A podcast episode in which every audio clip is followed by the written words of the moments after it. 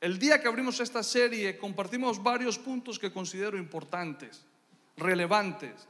Lo hicimos hablando de Nehemías. ¿Se acuerdan de Nehemías? El copero del rey, este, este hombre súper inteligente, súper bien relacionado, súper bien comportado, un hombre que estaba viviendo una calidad de vida excelente. Trabajaba en el castillo, el al hombre de confianza del rey, comía del menú del rey. Los que no me creen, el copero tiene que probar la comida del rey primero antes de que el rey la pruebe. En caso de que esté envenenada, el primero que se va es el copero. ¿Se imagina la confianza que había? Entonces, para estar al lado del rey era un hombre que estaba acostumbrado a vivir una excelente calidad de vida, con todas las garantías que quizás se le podrían ofrecer en ese momento a una persona. Seguro que tenía, era muy popular, seguro que tenía muchos seguidores en Instagram en ese entonces. Estoy convencido de eso. De pronto muchísimos amigos en Facebook. Este hombre, lo que él decía era muy importante. Hago énfasis en la calidad de vida de Nehemías por una razón los que nosotros, muchos de los que estamos aquí, experimentamos una excelente calidad de vida. Muchos. Y se nos olvida a muchos de dónde venimos. Pero la calidad de vida que experimentamos aquí es impresionante. No hace mucho estuvimos en Riohacha, Colombia. Estuvimos allá con saludos a la gente de Riohacha que está ahí conectada. Los amamos infinitamente. Fue un placer estar con ustedes, fue hermoso acompañarlos, pero qué calor hace en esa ciudad, les cuento. Qué calor. Es impresionante el fogaje que se siente en esa calle. Y se nos olvida, se nos olvida a nosotros que de allá hemos venido. Cuando vamos a Barranquilla, yo le digo a mi esposa, si el carro no tiene aire, mami, mejor no, busquemos un carro que tenga aire acondicionado. Porque por dentro es un horno, empieza uno a sudar impresionantemente. La calidad de vida muchas veces nos engaña y nos hace creer o pensar que ya la hicimos, que ya lo hemos logrado. Nos confundimos y creemos que porque estamos viviendo muy cómodos y estamos muy bien y estamos bendecidos, ya no hay mucho más que tengamos que trabajar en nuestras vidas. Pero en Dios, dice Proverbios, que el camino del justo, yo siempre lo he dicho, es como la luz de la aurora o el amanecer, que va de aumento en aumento hasta que el día es perfecto. Quiere decir que es un proceso que nos va llevando a crecer y a crecer y a crecer hasta que llega a la perfección. Entonces, por eso hago énfasis de Nehemías. Cuatro puntos rapiditos de Nehemías. Nehemías era un hombre consciente de su llamado. Rápidamente se los digo. Consciente de que fue Dios quien lo escogió a él y no que él escogió a Dios. Nosotros necesitamos para poder reconstruir nuestras vidas ser conscientes de que nosotros no encontramos a Jesús. Él nos encontró a nosotros. Pero se nos ha dicho y se nos ha... es más, lo hablamos y lo decimos, oh, el día que yo conocí a Jesús, el día que, que encontré al Señor, decimos muchos. Y resulta que la palabra a mí me dice que fue Él quien nos escogió a nosotros, no nosotros a Él. Y Nehemías lo sabía, era tan consciente de eso que a pesar de su excelente calidad de vida y de su bienestar, este hombre se preocupaba por, su, por el pueblo de Israel, por su nación. Y él pregunta en Nehemías capítulo 1, en los primeros versículos, ¿cómo está la cosa con Israel? Están volviendo después de haber sido desplazados por todas partes. Quiero saber de ellos, porque él era consciente de quién era él y de dónde venía él. La palabra dice, en Deuteronomio 14.2 dice, Tú fuiste separado como pueblo santo para el Señor tu Dios y Él te eligió entre todas las naciones del mundo para que seas su tesoro especial. Eso está en Deuteronomio, los primeros cinco libros de la Biblia. Nehemías se los había estudiado muy bien y era consciente de que el Señor lo había escogido a él. Ahora, para los que le gusta el Nuevo Testamento, Juan capítulo 15, 16 dice, ustedes no me eligieron a mí, eso lo dice Jesús. Ustedes no me eligieron a mí, yo los elegí a ustedes, les encargué que vayan y produzcan frutos duraderos, así el Padre les dará todo lo que pidan en mi nombre. Todo lo que pidamos, no se les olvide. ¿Ok? Punto número dos de Nehemías. Nehemías era un hombre interesado en la promesa que había recibido de parte de Dios. Él estaba interesado en esa promesa. Otra vez hago énfasis en esto y no sé por qué. Vivía muy bien. A él no le hacía falta nada. Tenía para dar. Pero sin embargo, era consciente de que Dios lo había escogido a él y que su pueblo no estaba bien. O sea que por consiguiente él tampoco. Y se interesaba en esa promesa que había sobre el pueblo de Israel.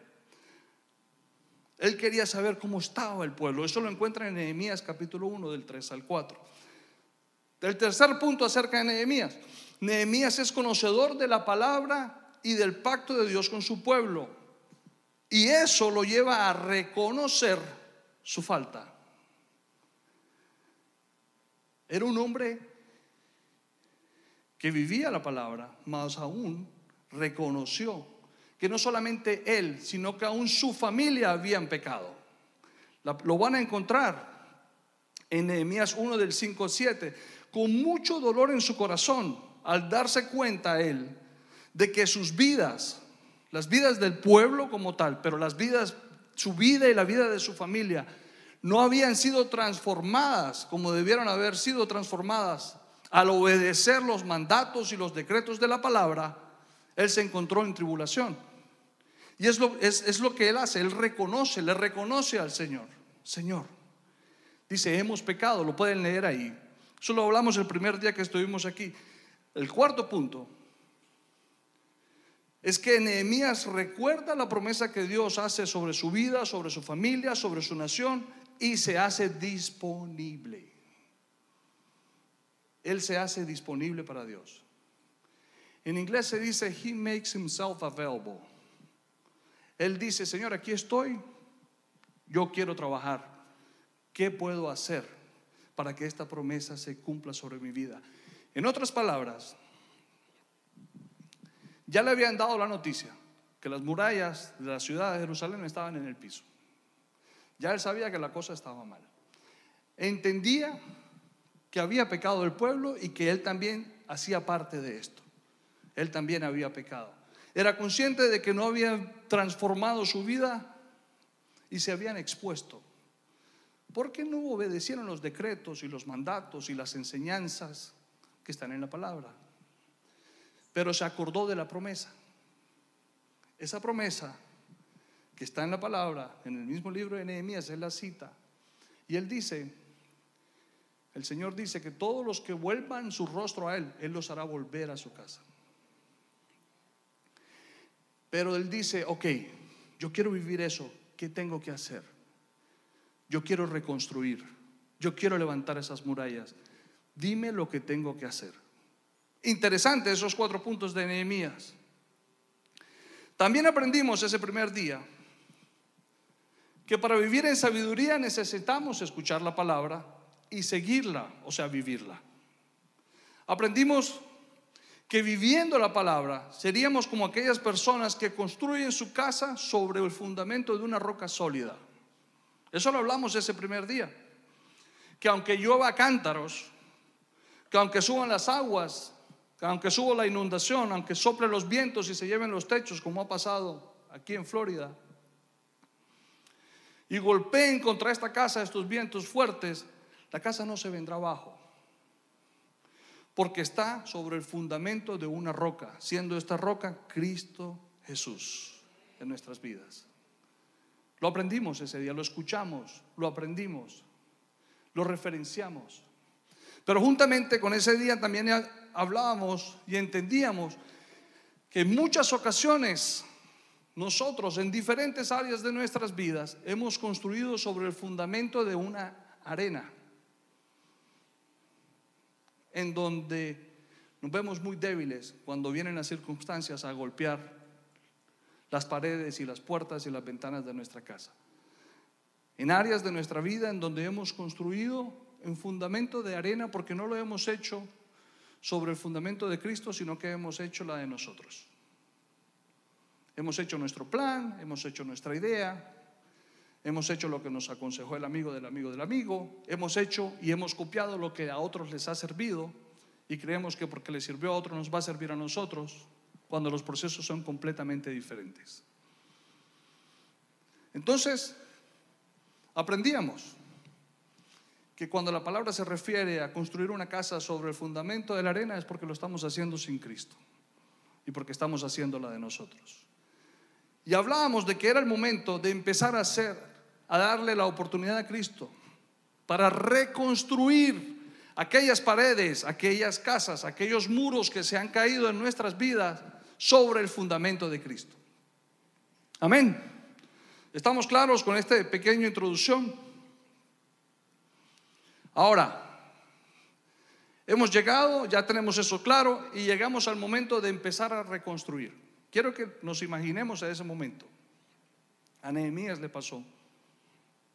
Le llegó el momento, como decimos, de entrar en acción. Necesitamos entrar en acción. Qué bueno saber todo esto. Qué bueno tener todos estos cuatro puntos de Nehemías claro. Qué bueno aprender acerca de la roca y de la arena y todo esto. Pero llegó el momento de entrar en acción y poner todo esto por obra. Ok, ¿qué hizo Nehemías? En Nehemías capítulo 2, 12 dice,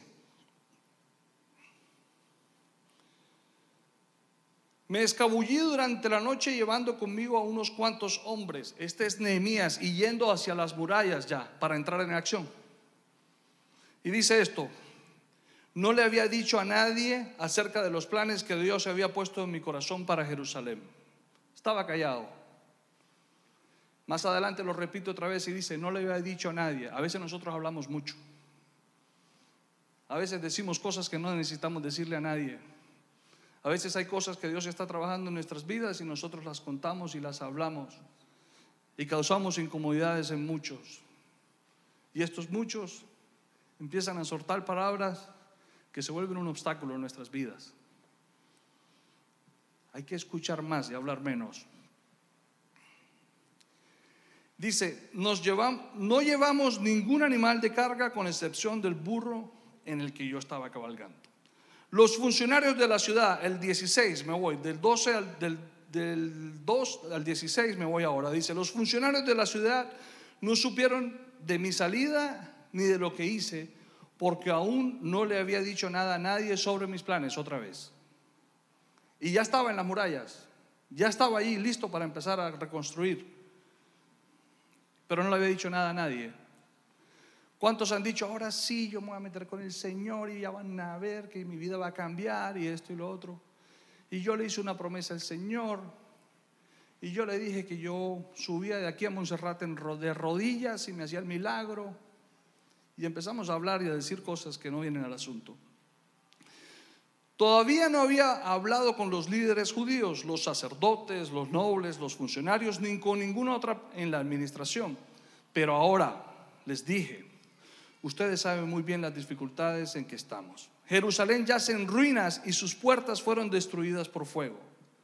Les dice de una manera, y quiero que lo lean aquí conmigo, si se dan cuenta ya hay puntos de exclamación. En esos puntos de exclamación es donde la persona con euforia habla, donde la persona levanta un poco más la voz, donde la persona demuestra una emoción, donde la persona quiere animar a alguien, donde la persona de pronto, sobre todo, es, demuestra un estado anímico en el momento en el que está hablando. Y él dice, reconstruyamos la muralla de Jerusalén y pongamos fin a esta desgracia. Él no les dijo, hombre, reconstruyamos a ver si de pronto terminamos con esto. No, él estaba convencido de lo que él decía y con convicción lo habló y dijo, reconstruyamos la muralla de Jerusalén y pongamos fin a esta desgracia. Estaba convencido del plan que Dios le había dado. Estaba convencido de que era posible. Estaba convencido de que la promesa de Dios había sido diseñada para cumplirse sobre su pueblo, sobre su vida, sobre su familia, sobre su nación. Y si se dan cuenta, se lo dijo a los sacerdotes, a los nobles, a los funcionarios. Se los dijo a las personas de importancia, de relevancia dentro de la cultura. Los anima y les dice, reconstruyamos. Hombre, metámosle el hombro a esto. Y después de que les dice así, trata de animarlos, les dice, después le conté en el 18, dice, después les conté cómo la bondadosa mano de Dios estaba sobre mí y acerca de mi conversación con el rey. Y de inmediato contestaron, claro, porque dijo, oh, no, yo hablé con el presidente y el presidente está conmigo.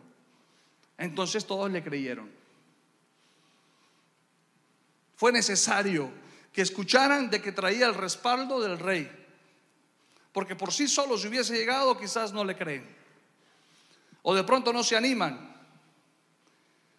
Y quizás a muchos nos pasa también que necesitamos escuchar de parte de una persona con influencia. Porque a veces la palabra no es suficiente. Porque a veces la promesa no es suficiente.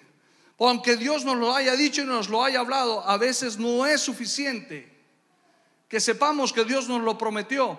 Necesitamos escucharlo de parte de una persona de influencia. Ok, no hay problema. Nehemías se dio cuenta que no lo habían, todavía ellos no despertaban del letargo y del dolor en el que estaban del sentimiento de, desolación en el que estaban, de la tristeza en la que estaban consumidos. Entonces Nehemías les dice, ok, está bien, les voy a contar algo. Yo hablé con el rey, me dio cartas, me dio árboles, me dio autoridad, me dio dinero, mandó gente que me acompañara para que hiciéramos esta labor. Y después les dice, reconstruyamos. Y entonces ellos dicen, sí, reconstruyamos la muralla. Gritaron, sí, reconstruyamos la muralla. Si lo pueden poner ahí, se van a dar cuenta. Si lo pueden leer en casa, en Nehemías 2:18. Sí, reconstruyamos la muralla. Así que comenzaron la buena obra. Fue un momento de euforia, fue un momento de alegría, fue un momento de pasión, fue un momento de convicción, fue un momento de fe, fue un momento en donde pusieron la fe en acción. Muchos necesitamos eso. Muchos necesitamos esos momentos para iniciar esta tarea de reconstruir, para levantar las murallas de nuestras vidas, las que se han caído, las que, las que están a punto de caerse, para fortalecerlas en Dios. Muchos necesitamos hacer eso y necesitamos este momento. Muchos necesitamos a un Nehemías al lado nuestro para que nos ayude y nos levante. Y aquí hay muchos Nehemías, lo que pasa es que no nos la creemos. Pero allá afuera hay mucha gente que necesita de lo que Dios te ha dado. Allá afuera hay mucha gente, en tu familia hay mucha gente que necesita esa palabra de ánimo, ese acompañamiento, ese recordarle a la familia de la promesa. Hay mucho por hacer. El que tú estés bien no quiere decir que ya llegaste, estás apenas empezando para abrir un camino a los demás que vienen. Ahora, quiero cambiar un poquito eso estás dándole el sustento, el fundamento a la generación que va adelante. Los jóvenes no vienen atrás, los jóvenes van adelante. Se nos ha enseñado que los jóvenes nos vienen siguiendo y no nos damos cuenta que nosotros vamos detrás de los jóvenes, porque ellos son el presente y el futuro de esta nación. Y los jóvenes, los jóvenes necesitan ya no puedo decir necesitamos, pero bueno. Los jóvenes necesitan que los padres estemos claros para que podamos ayudarlos a estar ubicados, para que les podamos decir lo que ellos deben escuchar, no lo que ellos quieren escuchar. Por eso necesitamos estar claros como padres. Cuando hubo esta euforia, cuando hubo esta alegría, si en esta mañana tú estás contento y tú dices, hombre, el pastor acaba de decir algo, o Juan Carlos acaba de decir algo que tiene razón, yo no puedo estar dependiendo de que me diga fulano, fulano. No, la palabra de Dios está ahí. Yo tengo que creerla, tengo que tomarla para mí. Yo lo voy a hacer. Mañana me levanto con todo. Hoy mismo en la tarde empiezo y no voy a esperar a más nadie porque en el nombre de Jesús yo lo voy a hacer. Así lo quiere el Señor para mi vida y yo lo voy a hacer. El Señor lo prometió para mi vida y yo lo voy a cumplir. El Señor dijo que yo sí puedo y yo le creo al Señor.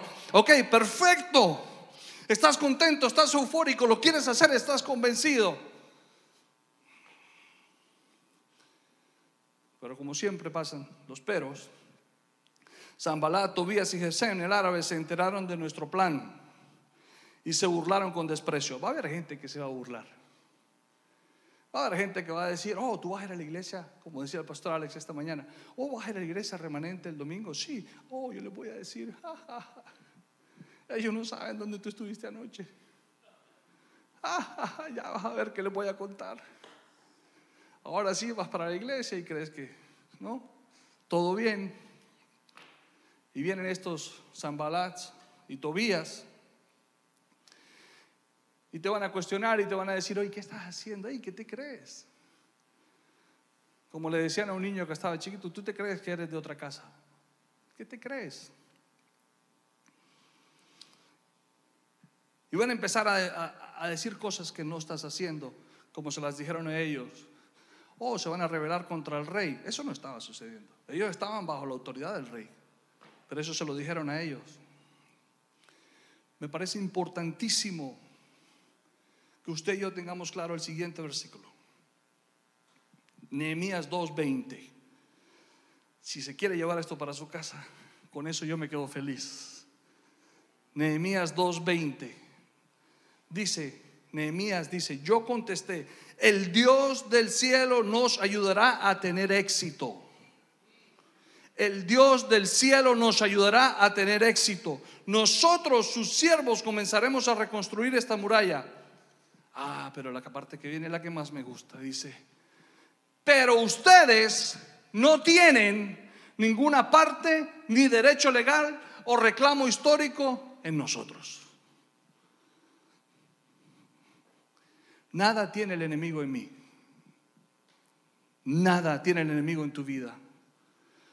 Dice que no tiene derecho legal. Usted sabe que cuando Cristo muere en la cruz, el acta que estaba en contra nuestra fue publicada. Eso es un acto legal. Eso es como ir ante la corte. Legalmente Él le quitó el derecho al enemigo para acusarnos, para destruirnos, para robarnos, para maldecirnos. Y Nehemías se lo dice allí. Y les dice a ellos, no tienen ningún derecho legal, están operando en ilegalidad. Y luego les dice, ni tampoco tienen ningún reclamo histórico. O sea, en otras palabras, el enemigo no tiene nada que ver con mi historia. Nada que ver. Todo eso mal que has vivido, toda esa mala experiencia que has corrido, todo eso, Créame que el enemigo no tiene nada que ver con esa mala historia. Dice que no hay reclamo histórico, no hay nada en esa historia que él pueda reclamar legalmente sobre tu vida. Está en la palabra. Por eso les dije, si nos llevamos esto, yo puedo decir apague la luz y vámonos. Sube la alabanza y nos fuimos para la casa. Con eso tenemos suficiente. Con eso tenemos para festejar. Con eso tenemos con qué defendernos, con eso tenemos con qué luchar, pero debemos estar convencidos de esto. En el capítulo 3 de Nehemías sucede algo impresionante. Todas las familias se unen, la comunidad se une. Como comunidad debemos estar más unidos. Como iglesia tenemos que estar fortaleciéndonos más los unos con los otros, pelear menos, discutir menos amarnos más. La comunidad se unió en Jerusalén para restaurar las murallas y empezaron a avanzar en una velocidad impresionante. Usted puede leer todo el capítulo 3. Las familias se unían. Y las que terminaban primero que las otras se iban al lado a ayudarles también a aquellos que estaban un poquito atrasados. Era impresionante cómo empezaron a levantarse esas murallas. El capítulo 3 lo enseña. Pero en el capítulo 4, versículo 1, se los leo rapidito, dice, cuando Zambalat, otra vez, otra vez, Zambalat, se enteró que estábamos reconstruyendo la muralla, se enojó muchísimo, claro, como no se va a enojar. Si empezó a suceder lo que nadie se imaginó, si le estaban levantando lo que él había destruido. Se enojó muchísimo, se puso furioso y se burló de los judíos diciendo ante sus amigos y los oficiales del ejército de Samaria, ¿qué cree, cree que está haciendo este pobre y debilucho grupo de judíos? Qué manera despectiva de hablar, ¿verdad? ¿Acaso creen que pueden construir la muralla en un día por tan solo ofrecer unos cuantos sacrificios? ¿Realmente creen que pueden llegar a hacer algo con piedras rescatadas de un montón de escombros y para colmo piedras calcinadas. Y Tobías el amonita Pobrecito Tobías. Hay muchos Tobías allá afuera que solo repiten lo que el otro dice, pero ni saben lo que están diciendo. De esos hay muchos que solo por quedar bien con el amigo se meten en problemas y dicen cosas que nada que, que ni entienden de lo que están diciendo. Pero lo peor es que dejamos que muchos Tobías nos afecten. Un bobalicón, y me perdonan la palabra, que ni sabía lo que estaba diciendo. Pero repitió lo que Zambalat estaba diciendo. Dice, Tobías, el amonita que estaba a su lado, comentó, esa muralla se vendría abajo si tan siquiera un zorro caminara sobre ella. Sí, cómo no. Pero él quería quedar bien con su amigo. ¿Cuántas veces hemos metido nosotros la pata también? Y hemos hecho eso. Solo por quedar bien. Y no nos damos cuenta. Tobías lo hizo. Ahora, esto nos puede llegar a hacer mucho daño. Pero si lo que me impresiona es que en el 2.20, Nehemías le dice, tú no tienes ningún derecho legal ni reclamo histórico. Sin embargo, en el 4.1 él vuelve a levantarse, sabiendo que no tiene ningún derecho legal. Y eso nos va a pasar. Usted va a vencer hoy, usted va a vencer mañana, pero eso no quiere decir que pasado mañana se vuelva a levantar.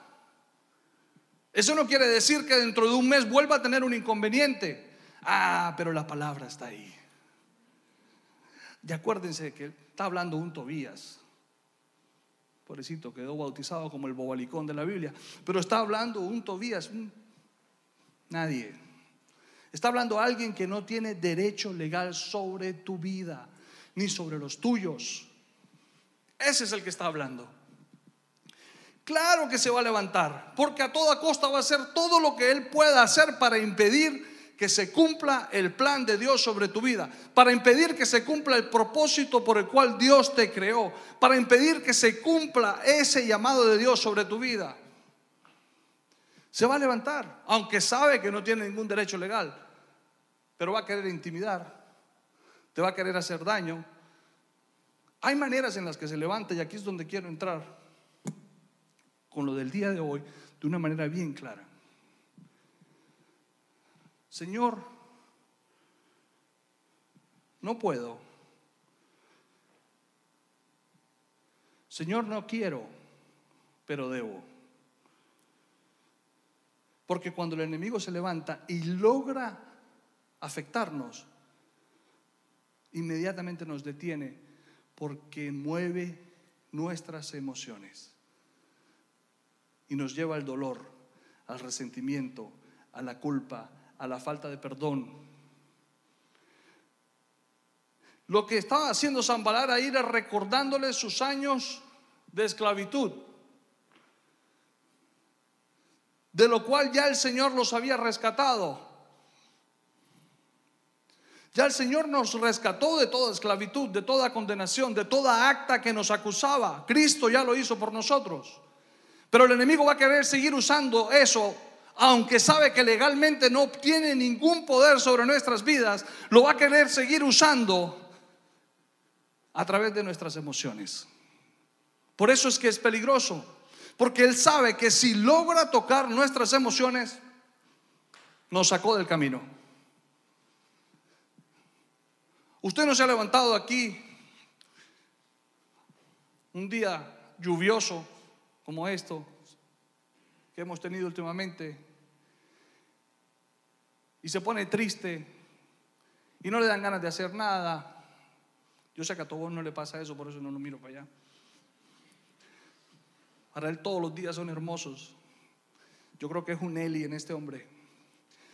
Pero dejamos muchas veces que el clima nos afecte. A veces nos acordamos de un inconveniente que tuvimos con algún familiar y dejamos que eso nos afecte. A veces nos acordamos de una injusticia que que vivimos por algo que sucedió en un, momento y dejamos que eso nos afecte. No hace mucho estaba con mi esposa en el doctor, le estaban haciendo un examen, le hicieron una pregunta de algo que le encontraron por consecuencia de algo que sucedió hace más de 20 años, no, digamos 20, porque 30 suena mucho. más de 20 años atrás, yo estaba allí en el cuarto con ella y el doctor le dice, ¿en algún momento viviste algo como esto y esto y esto y esto y esto? Y ella dijo, sí, cuando tenía 25. No me va a meter en lío, ¿usted qué quería meter en lío? No. Cuando tenía 35. Y yo noto inmediatamente, yo estoy de espalda, yo no le estoy viendo el rostro a ella, pero su postura corporal decayó, los hombros se le cayeron enseguida. Y yo me acerqué por la, le agarré el brazo, le sobé el brazo y cuando me paré enfrente de ella estaba quebrantada de algo que sucedió hace más de 20 años atrás. Y así nos pasa a todos. Yo no creo que solamente le pase a mi esposa. Yo creo que nos pasa a todos. Y en ese mismo instante yo empecé a orar.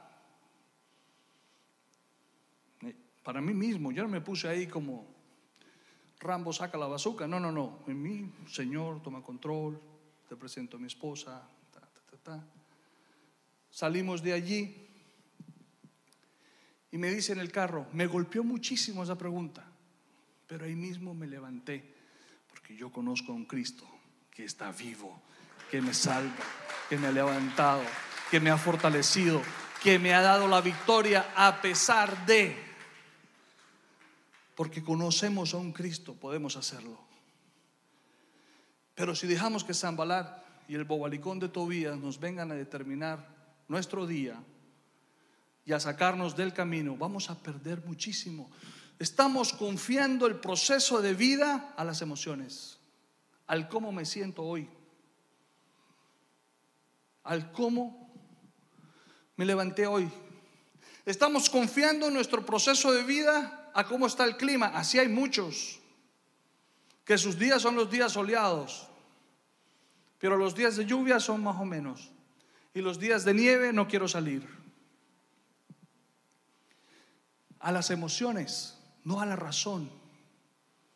Y en esta casa dimos un seminario que lo animo para la próxima vez que lo anunciemos.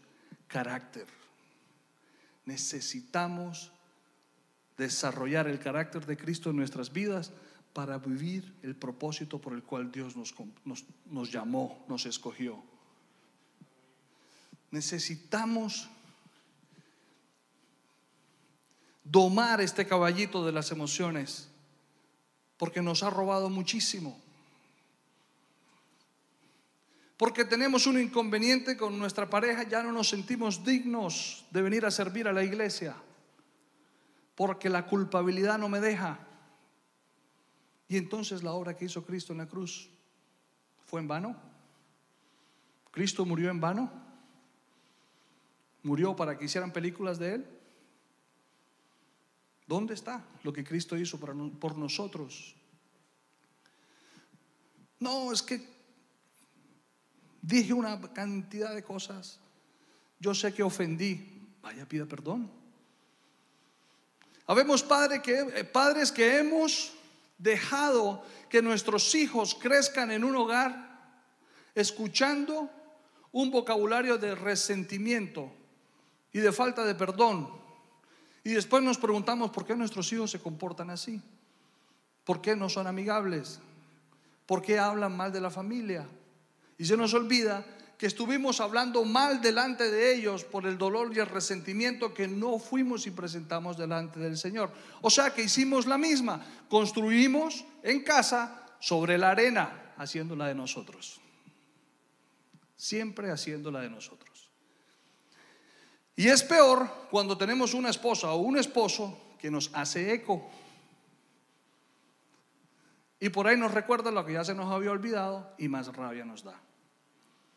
Y si viene el hijo mayor y pregunta, ¿de qué están hablando mami? Y le cuentan todo, entonces estamos haciendo cuál? La de nosotros. No estamos haciendo la que nos enseña la palabra. Y cuando se nos caen las murallas, entonces decimos que somos los desafortunados, los de malas, los que siempre nos pasa todo lo malo. Pero no hemos construido nuestro hogar, nuestra familia, sobre el fundamento, sobre Cristo, sobre la roca, sobre la palabra, sobre los principios, sobre estos valores tan hermosos. Ah, pero no es fácil, porque hay que morir. Claro, sí hay que morir. Pero siempre lo he dicho aquí, pero con Cristo vamos a resucitar.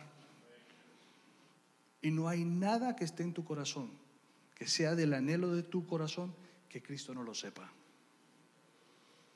Va a llegar a tu vida, lo que pasa es que no va a llegar sobre la arena, sino sobre la roca. Va a llegar sobre tu vida, pero no va a llegar como tú pensaste, sino como Cristo lo planeó.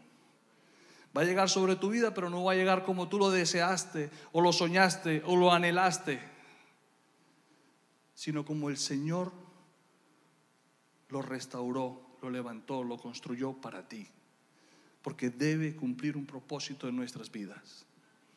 Pero va a suceder. ¿Cuánto tiempo me queda? Si la alabanza sube, por favor. Se me quedó la mitad de la predica, ¿qué les parece? ¿Será que el próximo domingo seguimos con parte 2? ¿Les parece? Vamos a cerrar en esta mañana. Si la alabanza sube, por favor.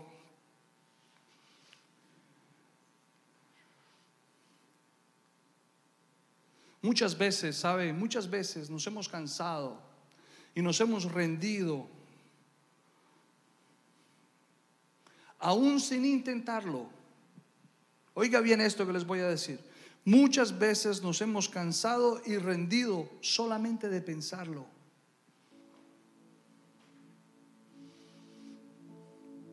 Solo de pensar lo que vamos a enfrentar. Preferimos no destapar esa olla, como se dice. Solo de pensar lo que vamos a encontrar detrás de esa puerta, preferimos no abrir esa puerta. Entonces nos cansamos y nos rendimos sin haber intentado.